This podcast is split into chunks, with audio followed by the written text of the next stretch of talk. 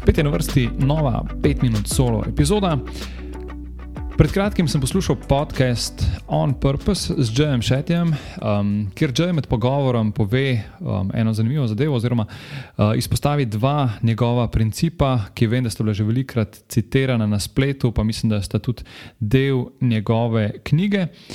Ampak uh, vseeno, mislim, da je um, vredno, da jih nekako izpostavim tudi tukaj na podkastu. In sicer rekel je: Location has energy, time has memory. Um, kar je želel naprej povedati, to, da če um, nekaj počnemo um, v istem prostoru vsak dan, um, to postane nekako naravno in enostavno, in enako, če nekaj počnemo ob istem času vsak dan, to nekako postane enostavno in naravno. In uh, v bistvu, če izvajaš nekaj vedno v istem prostoru, tisti prostor naj bi v bistvu držal to, obdržal to energijo. In um, če najdeš nek prostor, ne celo sobo, ampak nek prostorček znotraj sobe in ga nameniš nečemu, ti bo upravljanje tistega upravila na tistem določenem prostoru veliko lažje. Um, on navaja nek konkreten primer, da ko je bil v času, ko je bil še menih, je imel možnost meditirati v nekem templju, kjer že menihi vem, tisočletja meditirajo. In njegova izkušnja je bila, da je bilo tam meditirati res enostavno. In enostavno je bilo zato, ker je lokacija že sama po sebi imela tisto pravo energijo za izvajanje meditacije. In um, ko nekako pomislim, kako imam samo urejene neke stalne lokacije v mojem življenju, mi je zadeva v bistvu še malo bolj jasna ali pa povem, jo nekako z lahkoto um, ponotranjim ta njegov stavek. Ker vem, če sam pomislim na meditacijo ali pa na izvajanje nekih dihalnih tek tehnik, to običajno vedno počnem na istem mestu. In če bom zamenjal prostor, bo to definitivno same teže. Um, kadar delam od doma za službo, imam posebno mizo v moji domači pisarni in vem, da kadar sem za tisto mizo, takrat pač um, delam službene stvari. Uh, kadar snemam podcast ali pa se ukvarjam s coachingom, um, v bistvu imam v isti pisarni drugo mizo in vedno izvajam te stvari za tisto drugo mizo.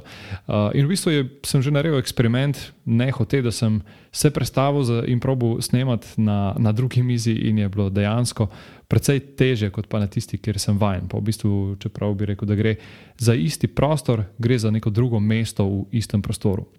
Verjetno bi lahko naštel še cel kup nekih podobnih primerov, ampak dokler nisem poslušal Džeja, ko je razlagal o tem, niti nisem razmišljal o tem, zdaj se pa mi zdi nekako um, precej logično um, to, kar govori in se nekako ujema tudi z dejanji, ki jih sam upravljam.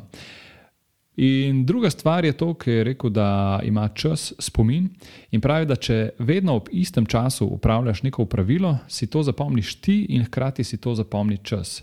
In zato potem postane težko, če želiš to upravilo začeti upravljati ob nekem drugem um, delu dneva ali pa ob različnih časih v posameznih dneh. In v bistvu tudi primerov za to bi lahko vem, navedel veliko, kaj pa vem, čas kosila, čas malice v službi, čas za telovadbo, večerno sproščanje. Zdaj, sam sem običajno vedno bolj razmišljal, da gre to za neko navado. Uh, ampak ja, se strinjam, v bistvu je res, če nekaj delaš vedno ob istem času, to postane precej naravno. In prav ta kombinacija, verjamem, da je lahko v zelo veliko pomoč pri vem, postavljanju nekih dnevnih rutin. Um, če gledamo kombinacijo tega um, časa in lokacije, se pravi, kje in kdaj bom vem, meditiral, kje in kdaj bom bral, um, kje in kdaj bom imel čas za neko kreativnost ali pa za telovadbo. Tako da primerov bi lahko spet naštel še veliko. Pa da ne bom dolgovezil, um, želel sem samo predati misel, ki sem jo zasledil v tem podkastu.